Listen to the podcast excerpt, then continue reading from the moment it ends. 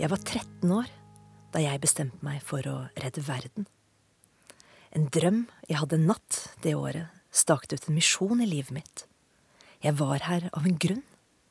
Ute av sykehuset og ikke lenger avhengig av rullestol og krykker. Av en grunn. Og nå var det bare å finne ut hvordan jeg, en tenåringsjente bosatt i lille Florø, skulle kunne redde verden. Mitt navn er Silje Vallestad. Jeg er seriegründer, investor og innovasjonsekspert.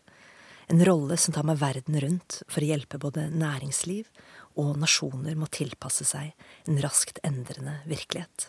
Og så, viktigst av alt, er jeg mamma til tre barn og gift med en fantastisk mann som har stått ved min side gjennom oppturer, nedturer og sideturer siden jeg var 19 år. Vi er litt yin og yang, Alf Erik og jeg. Mens jeg lærer han å fly, så gir han meg stødig grunn og røtter. For jeg er idealist. Evig idealist. Kanskje litt naiv. Men hvis man skal tørre å hive seg ut i enorme prosjekter som man definitivt ikke har forutsetningene til å kunne gjennomføre, så må man være litt naiv. Timen vi har sammen i dag, skal handle om det å tørre. Om å følge drømmene sine og ikke være redd for å gå på trynet. Men også om det å satse så hardt og så mye at man brenner lyset i begge endene. Og om hvor viktig det er å finne en balanse.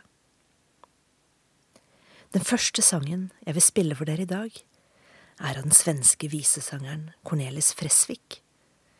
Denne låten spilte min mann for meg første gang vi møttes, og uten Fredrik Åkare og Cecilia Lind er det ikke sikkert at det hadde blitt oss to. Från Öckerö logers dragspel og bas.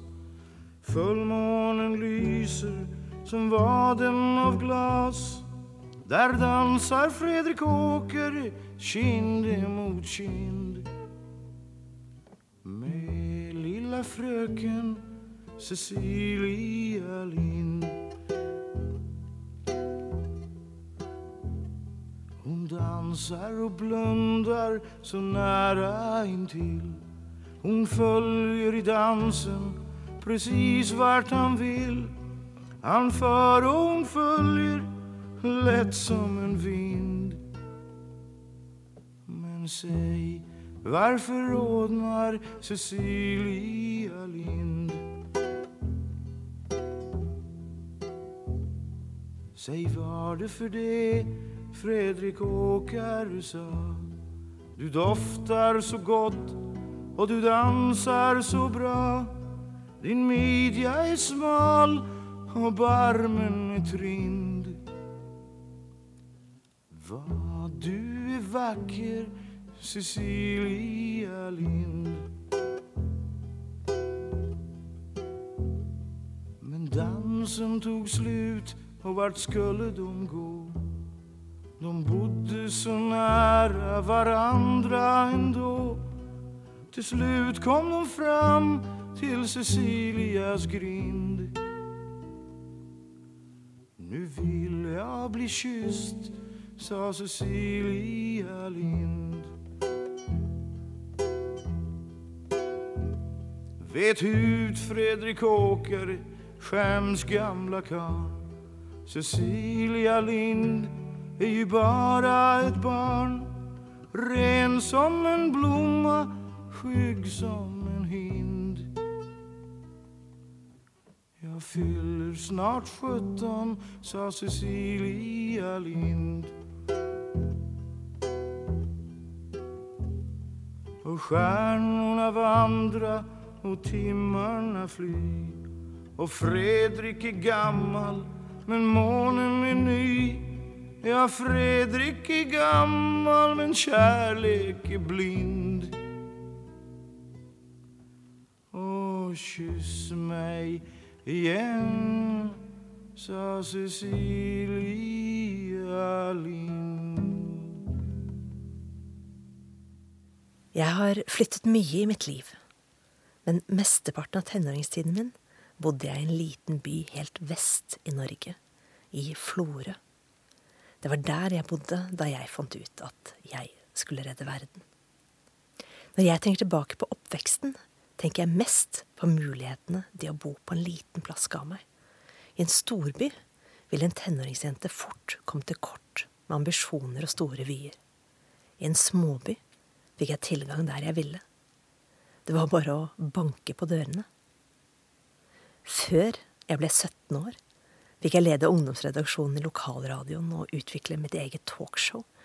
Jeg arrangerte en stor rusfri festival for ungdom under 18 år på 16. mai, og jobbet politisk for å bevare ungdomshuset. Jeg organiserte Norges første fylkesting for ungdom sammen med fylkeskommunen, og jobbet som journalist i lokalavisa, med eget pressekort og greier. Ja, det var saker, det, når September When hadde konsert i byen, eller når jeg skulle på jazzfestival i Molde. Jeg kom inn der jeg ville, og skjønte at dørene åpner seg hvis man bare banker hardt nok. Av og til må man sparke, men åpne seg, det gjør de. I Florø fikk jeg lov til å ta ansvar tidlig. Allerede som tenåring møtte jeg folk som trodde på meg og ga meg rom, og ikke minst tillit til å la meg gå fra idé til virkelighet uten at de tok over. Jeg fikk prøve og feile og prøve igjen. Jeg husker godt sent en kveld da telefonen ringte hjemme. Silje, ropte mamma, det er Stefansen. Hjertet hoppet. Erik Stefansen var sjefsredaktør i Firdaposten. At han skulle ringe etter klokken ti om kvelden, var et dårlig tegn. Avisen hadde måttet trekke inn hele opplaget for dagen etterpå. Årsaken var meg.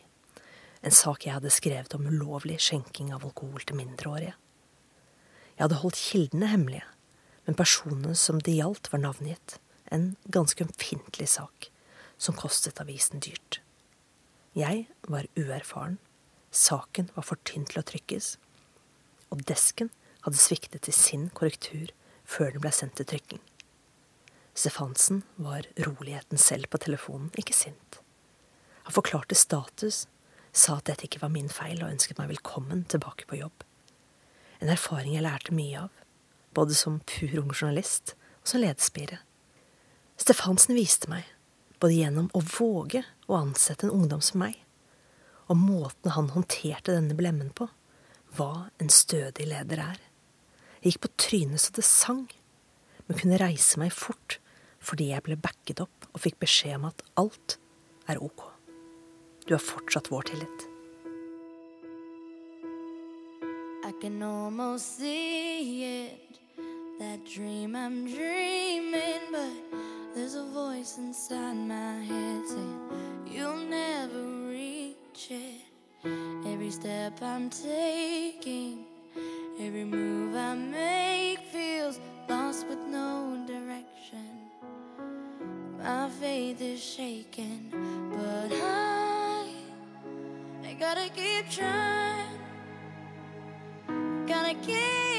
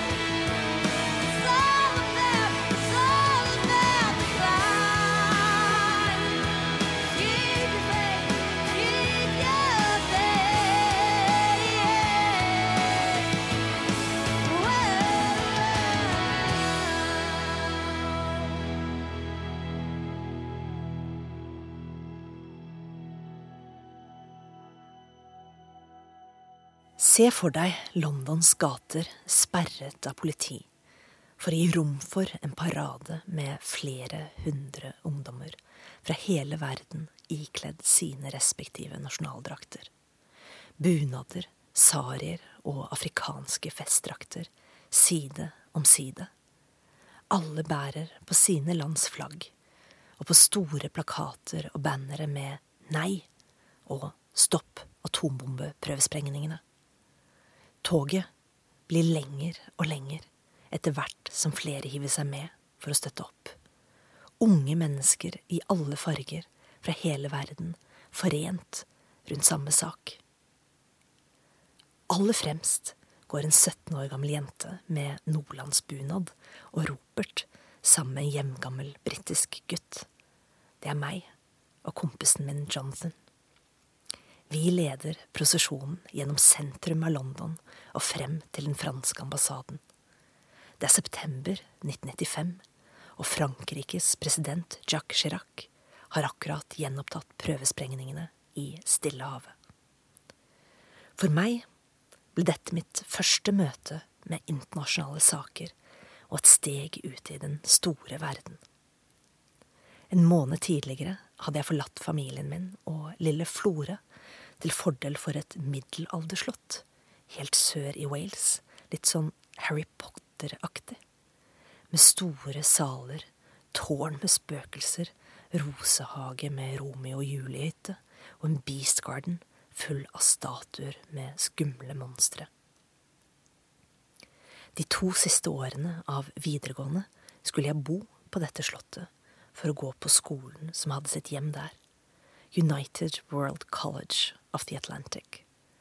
Et fredsgymnas som bringer sammen ungdom fra over 100 nasjoner under mottoet Hvordan kan det bli fred hvis mennesker ikke forstår hverandre? Og hvordan kan man forstå hverandre hvis de ikke kjenner hverandre? Her bodde vi, på firemannsrom, og med en meter mellom sengene tvang det seg frem diskusjoner om vanskelige tema. Jeg husker dype samtaler om homoseksualitet, der en afrikansk kulling fortalte at i hennes landsby ble homofile stein til døde, noe hun selv mente var riktig fordi det var galt mot Gud. Et år senere var en homofil gutt en av hennes beste venner. Men mest av alt så husker jeg hvordan verden ble så mye mindre, og hvordan landegrenser ble utydelige hvordan mitt perspektiv endret seg fra lokalt til globalt i rekordfart.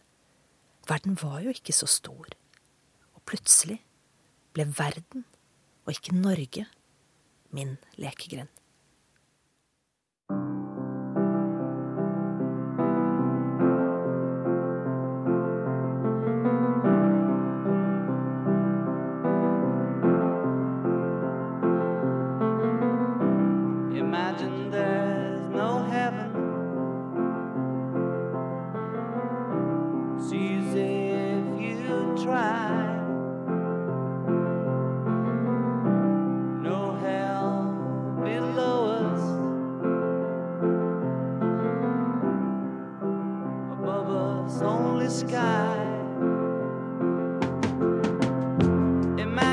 Oh.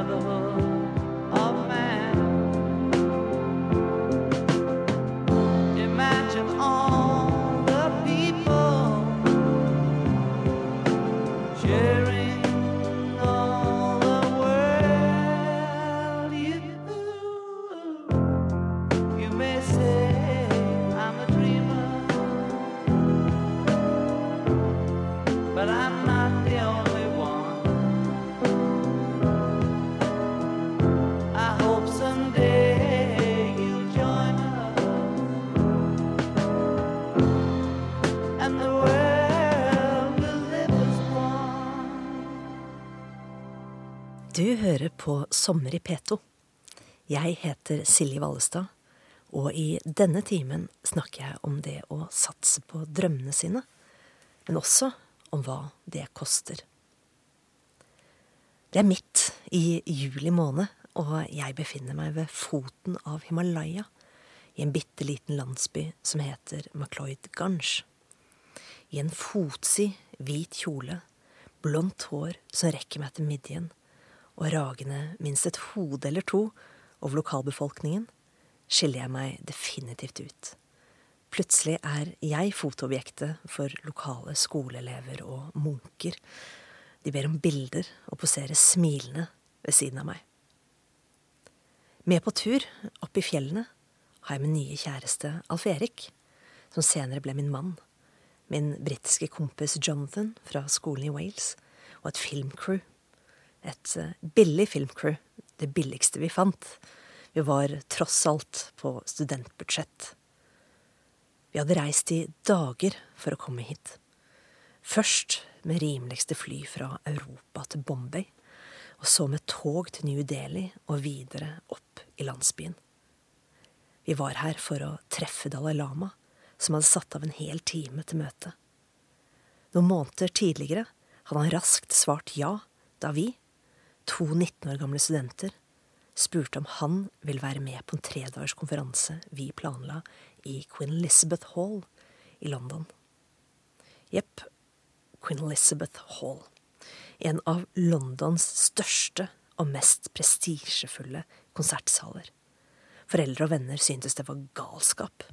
Bare leien alene beløp seg til over millionen. Penger vi definitivt ikke hadde.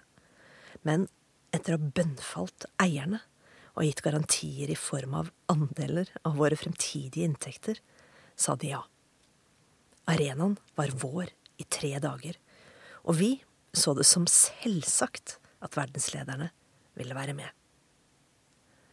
Dalai Lama kunne ikke delta personlig, men vi ble invitert hjem til ham for å gjøre et intervju. Så der var vi da, plutselig, i en stue hjemme hos denne mannen jeg hadde lest så mye om, og som hadde vunnet Nobels fredspris noen år tidligere. Jeg hadde sommerfugler i magen av en størrelse jeg aldri hadde opplevd før. Men så fort Dalai Lama kom inn i rommet, endret alt seg. Det er en aura av ro rundt denne mannen. Han deler visdom og refleksjoner som i sin banale enkelhet får deg til å tenke over hvordan du lever livet ditt. Så vi måtte jo spørre, helt avslutningsvis etter en time med samtaler om ungdom, engasjement og politikk. Your Holiness, what is the meaning of life? Dalai Lama smilte før han lo hjertelig og sa, The way I see it, the meaning of life is to be happy, but uh, don't ask me how. Livet handler om å være lykkelig og finne lykken i hverdagen og nuet. Men hva som er lykke for deg og meg, kan være forskjellig. Vi må alle finne vår egen vei. Organisasjonen som Jonathan og jeg etablerte, World Voices, vokste naturlig ut av den globale visjonen til fredsgymnaset United World College, der vi begge hadde vært elever. Vi ønsket å skape plattformer for dialog og samarbeid mellom unge, engasjerte mennesker og verdensledere.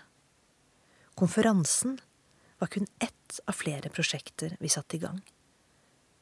Vi ga også ut boken Har du to sekunder?, som var en samling tekster som satte ord på angst, håp og drømmer rundt årtusenskiftet, skrevet av ungdom, side om side med kjente ledere fra hele verden. For det var ikke bare Dalai Lama som takket ja da vi inviterte toppene til å jobbe med oss. Flere av Nobels fredsprisvinnerne, kjente næringslivsledere, kongelige og statsledere verden rundt, stilte opp og bidro. Engasjementet vårt for å koble engasjerte sjeler på tvers av generasjonene gjorde også at store, globale konferanser som aldri før hadde hatt ungdom med i debattene, nå inviterte oss inn for å tale den kommende generasjonens sak, så Plutselig så var det ikke bare hjemme hos Dalai Lama jeg befant meg, men også på slottet i Praha og i workshops i Wien, i dialog og debatt med kjente ledere som Hillary Clinton, Shimon Peres og Vaslav Havel. Når jeg ser tilbake på disse årene nå, oppleves minnene nesten surrealistiske. Kontrastene mellom studenttilværelsen i Bergen og toppledermøter ute var enorm. Den ene dagen gikk jeg i shabby jeans på vei til forelesning. Neste dag hadde jeg privatsjåfør og limo i en europeisk hovedstad. Jeg husker godt en episode fra Vienna Peace Summit i 1999. Det var dag to av en workshop om utfordringene Europa og verden sto overfor, og jeg var frustrert over hvor lite fokus de eldre lederne hadde på ungdom. Jeg ba om en replikk til Sør-Afrikas tidligere president og fredsprisvinner Fredrik Willem de Klerk. Og da jeg fikk ordet, kom utblåsningen. Om hvordan vi unge var fremtiden, om hvor kritisk viktig det var å legge til rette for at vi ble hørt og tatt med i planleggingsprosesser, om ulike perspektiver, om at det ikke fantes én sannhet. Og så kom applausen. Det var de Klerk sin kone, som hadde sittet bakerst i klasserommet og observert gruppene vår, som reiste seg og klappet høyt og ga meg tommelen opp og de Klerk selv smilte. Fra den dagen var vi gode venner, holdt jevnlig kontakt i mange år etterpå.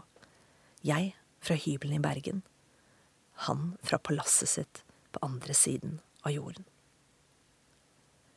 Foreldre og venner hadde ment jeg var gal og urealistisk i mine visjoner og prosjektene jeg satte i gang. Kanskje var jeg det. Eller Kanskje jeg rett og slett bare var 19 år og akkurat naiv nok til å få det til. Kanskje er naivitet en forutsetning for å lykkes.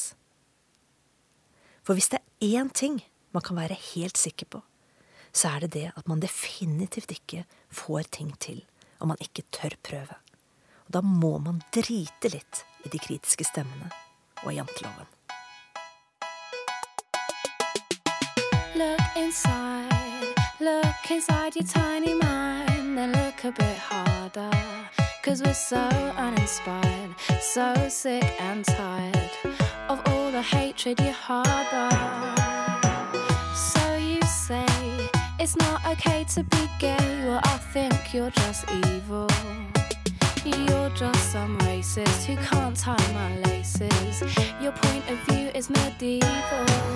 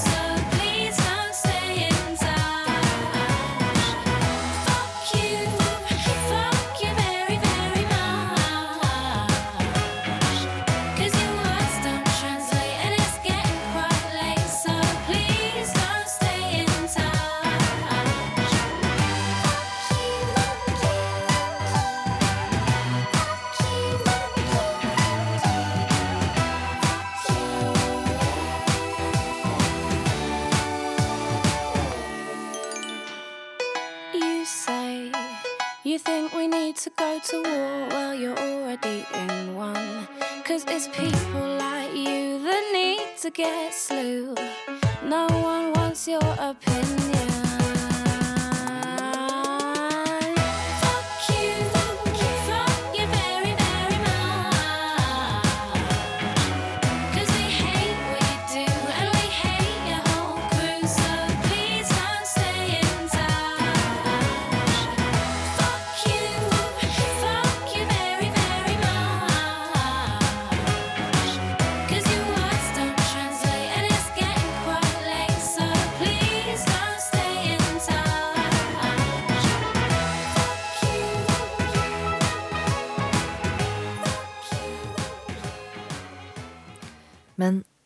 Idealismen hadde en pris.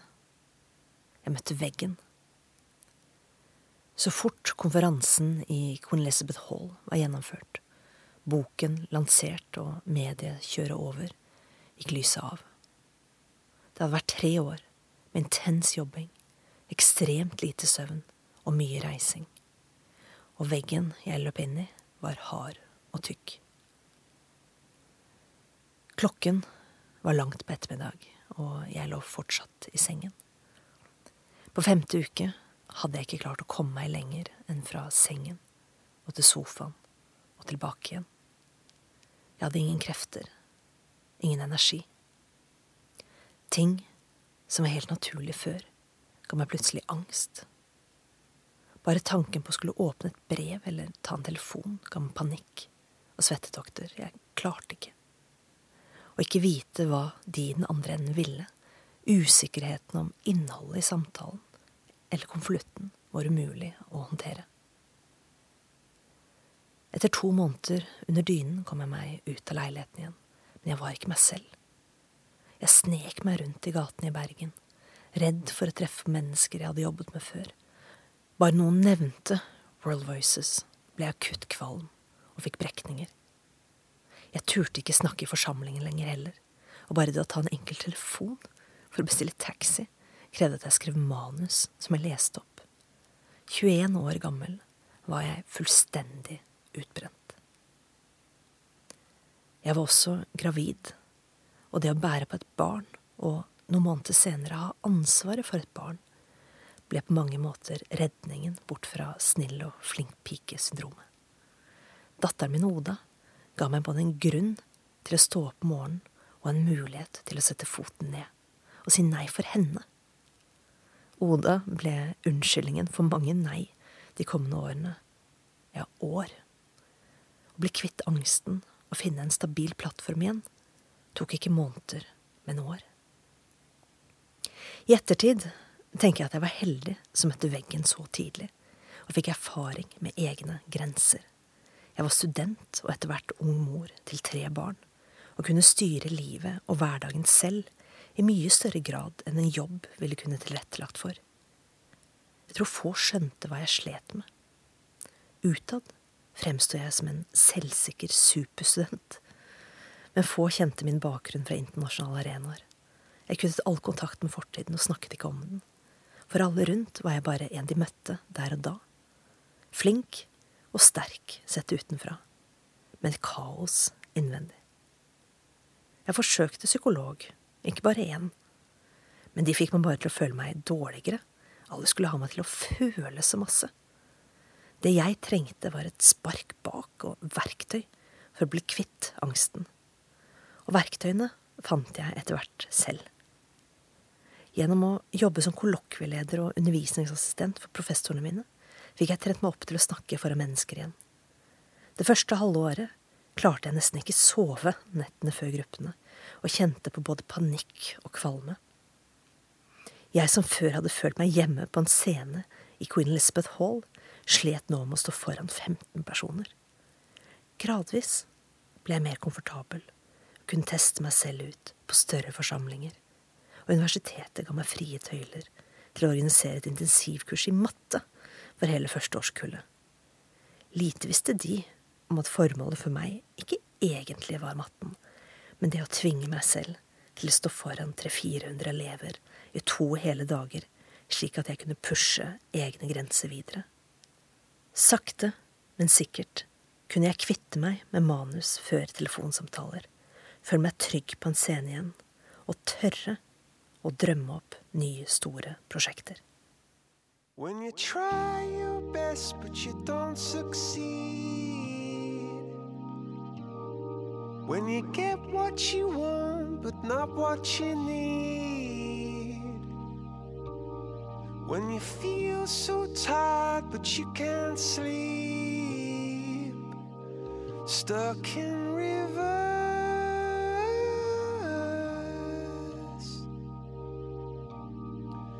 Tears come streaming down your face. When you lose something you can't replace, when you love someone but it goes to waste. Could it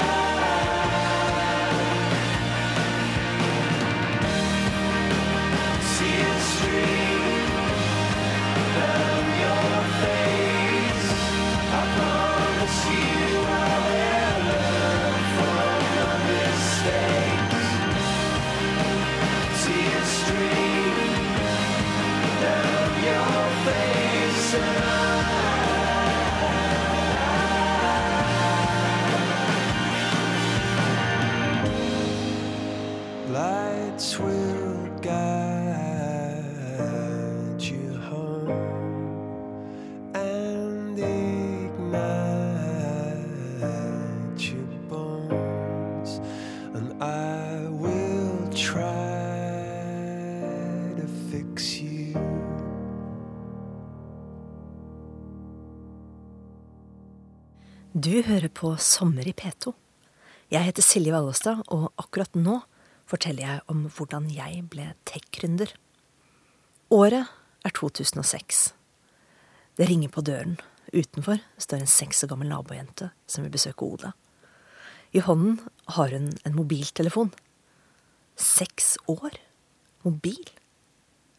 Var dette vanlig? Var vi der nå? Jeg fikk ikke tanken ut av hodet. I månedene som kom, mellom husoppussing, amming og studier, satt jeg stirrende på en laptopskjerm mens jeg googlet alt rundt barn og teknologi. Det tok ikke lang tid før det ble tydelig. Snart ville alle norske barn ha egen mobil i seks-syvårsalderen. Den første mobilen ville bli kjøpt inn samtidig som den første skolesekken. Men det som pirret meg enda mer, var nyhetssaker og forskningsartikler om økende negativ bruk av mobilene.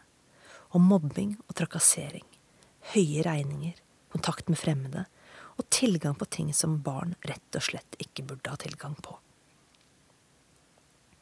Hjemme hadde jeg tre barn på null, to og et halvt og seks. Og med eldstemann som fersk førsteklassing følte jeg på et behov for et produkt som ikke fantes på markedet. En mobil tilpasset barn. Jeg så det helt klart for meg, og uten å kunne noe om verken teknologi eller business, startet jeg tekstselskapet Bipper i en tid der få snakket om gründere. Drømmen var å utvikle to nye mobiltelefoner. En mobilklokke for de yngste og en kul touchscreen-mobil for de litt eldre barna. Men der foreldre selv kunne definere hvordan mobilen skulle brukes. Jeg ville at telefonen skulle kunne vokse i takt med barnet. Og etter en opplevelse med en lokkemann på skoleveien, konkluderte jeg med at mobilene også måtte ha en trygghetsalarm, slik at voksne ble varslet automatisk med beskjed om hvor barnet befant seg hvis noe skjedde. Å starte Bipper, og senere appen BeSafe, var virkelig å hive seg ut på dypt og ukjent vann. Kontakter blant statsledere hjalp lite. Nå trengte jeg folk som kunne tech og business. Og ikke minst trengte jeg kapital. Historien om min gründerreise er en historie om å satse med hud og hår. Å lære mens man løper. Om å være kvinne i en verden preget av menn. Og utfordringer knyttet til kjønn som jeg aldri hadde forestilt meg eksisterte og om å kontinuerlig leve med kniven på strupen økonomisk, med ansvar for både en familie, ansatte og investorer. Men det er også en historie om fantastiske mennesker som tror på deg og hjelper deg videre. Mobilen ringer. Jeg befinner meg på en middag i en katedral i Dublin sammen med 100 andre teknologigründere, et knippe kjente investorer og Bono fra U2. For første og eneste gang er denne katedralen duket for fest. Og mens irske folkemusikere spiller og alle skåler i bedre vin, ser jeg at nummeret er amerikansk. Jeg løper ut og tar telefonen. Hi, Silje. It's Miguel. Kan du være i LA i overmorgen for å spise lunsj med Michelle Obama? Jada Will vil gjerne investere i BeSafe og har lyst til å invitere deg på en lunsj de organiserer hjemme hos seg for en del venner. Jeg spiser lunsj hjemme hos Will Smith og Jada sammen med Michelle Obama. Det virker nesten for absurd til å være sant. Men to dager senere befinner jeg meg i hagen til familien Smith og skåler i bobler med skuespillerparet mens vi signerer avtaler. Og få uker etterpå er Jada hovedgjest på CNN der hun forteller om hvordan de tok kontakt med meg fordi de brant for å få Be Safe ut til kvinner over hele verden.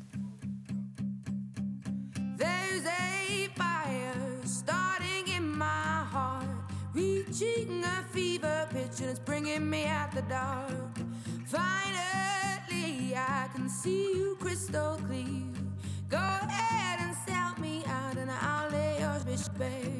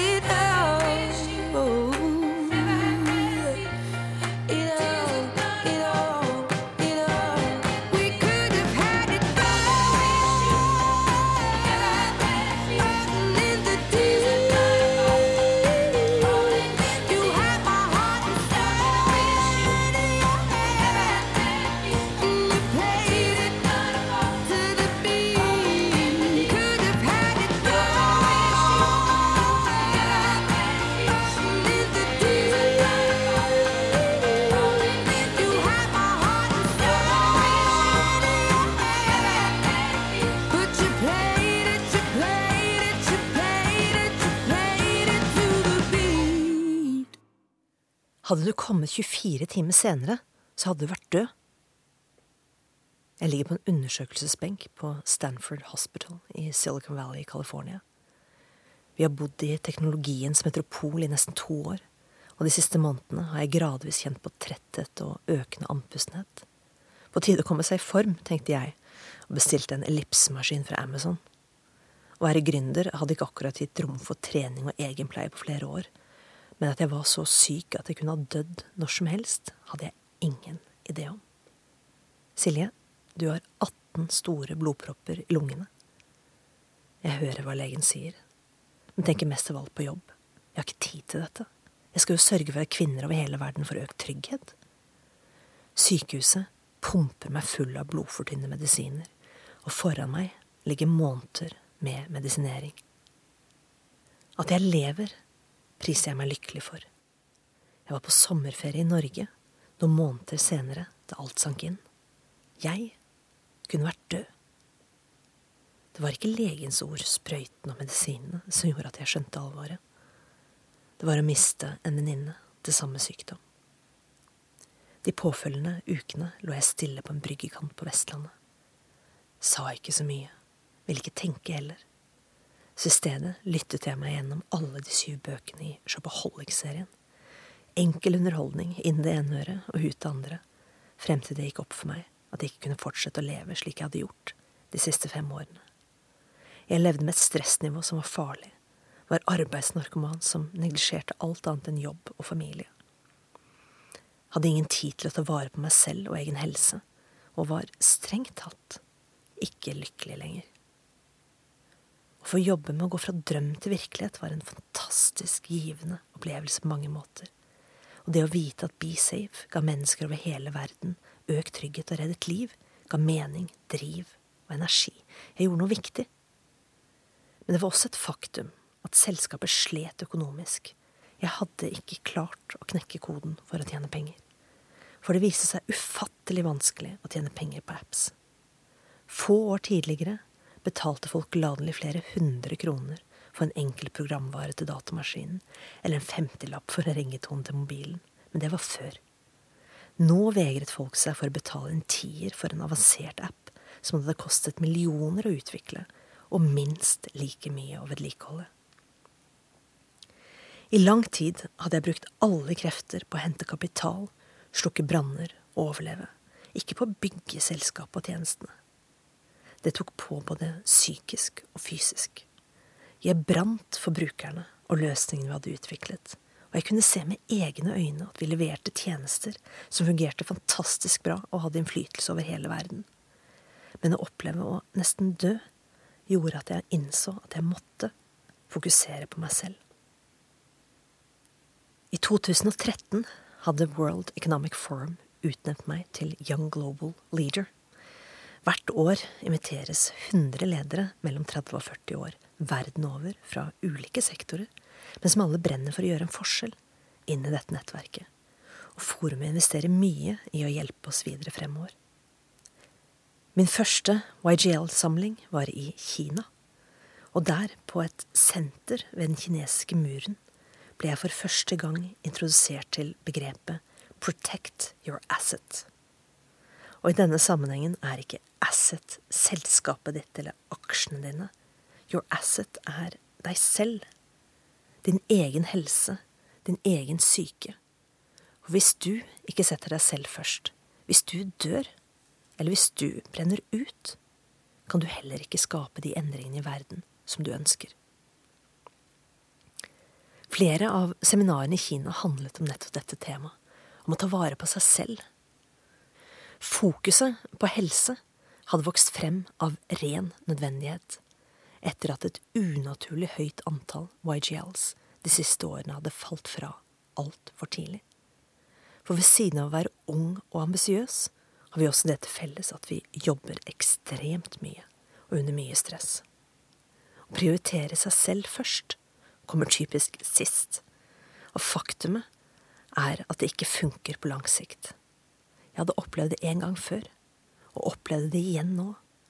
Man må sette seg selv først. Men det er så ufattelig mye enklere å si enn å gjøre. Få ting er vanskeligere enn å endre vaner.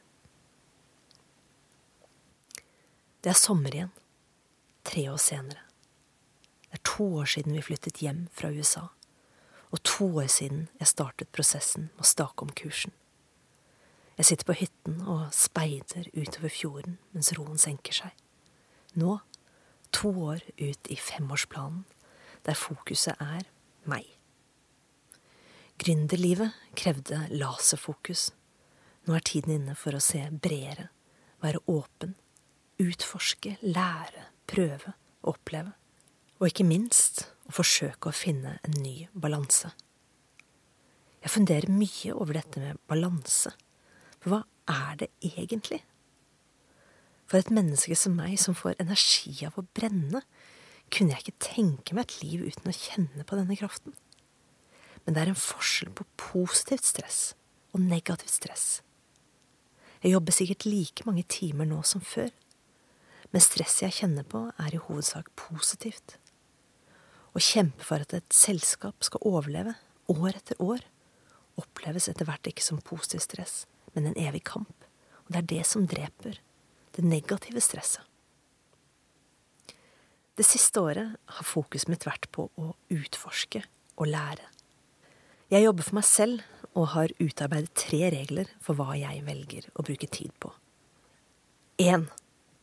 No assholes. Livet er rett og slett for kort til å jobbe med mennesker som suger energi. 2. Jeg jobber kun med selskaper og styrer som har kvinner i toppledelsen. Og tre. Alle prosjekter jeg engasjerer meg i, må gi meg glede. Om en måned setter jeg meg på flyet til Saudi-Arabia for å starte på et slikt prosjekt. Sammen med en gruppe fantastiske mennesker helt i toppen skal jeg jobbe for å bygge opp dette landet til en gründernasjon med fokus på kvinnelige gründere. Et prosjekt som både gir mening og glede, og ikke minst som er med på å endre verden i riktig retning. Men aller først så skal jeg gjøre så lite som mulig, bare være i en hel måned. Nyte nuet med familien og drømme om en lengre reise vi skal legge ut på. Akkurat nå er det ingenting som føles viktigere enn akkurat det å være. Her er Nora Jones med Don't Know Why. Riktig god sommer til dere alle.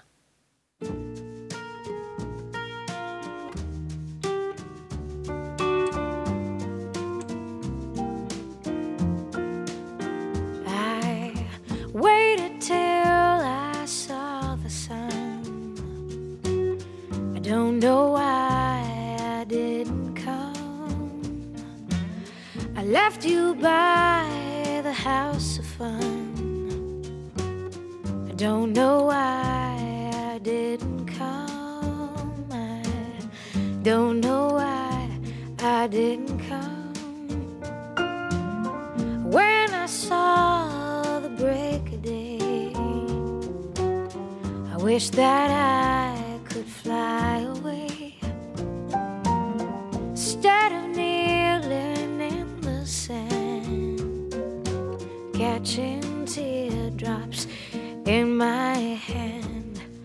my heart is drenched in wine.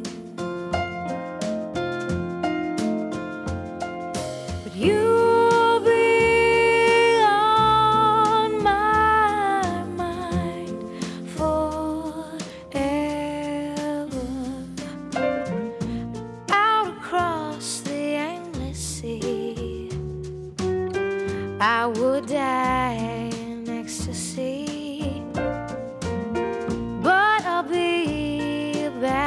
bone.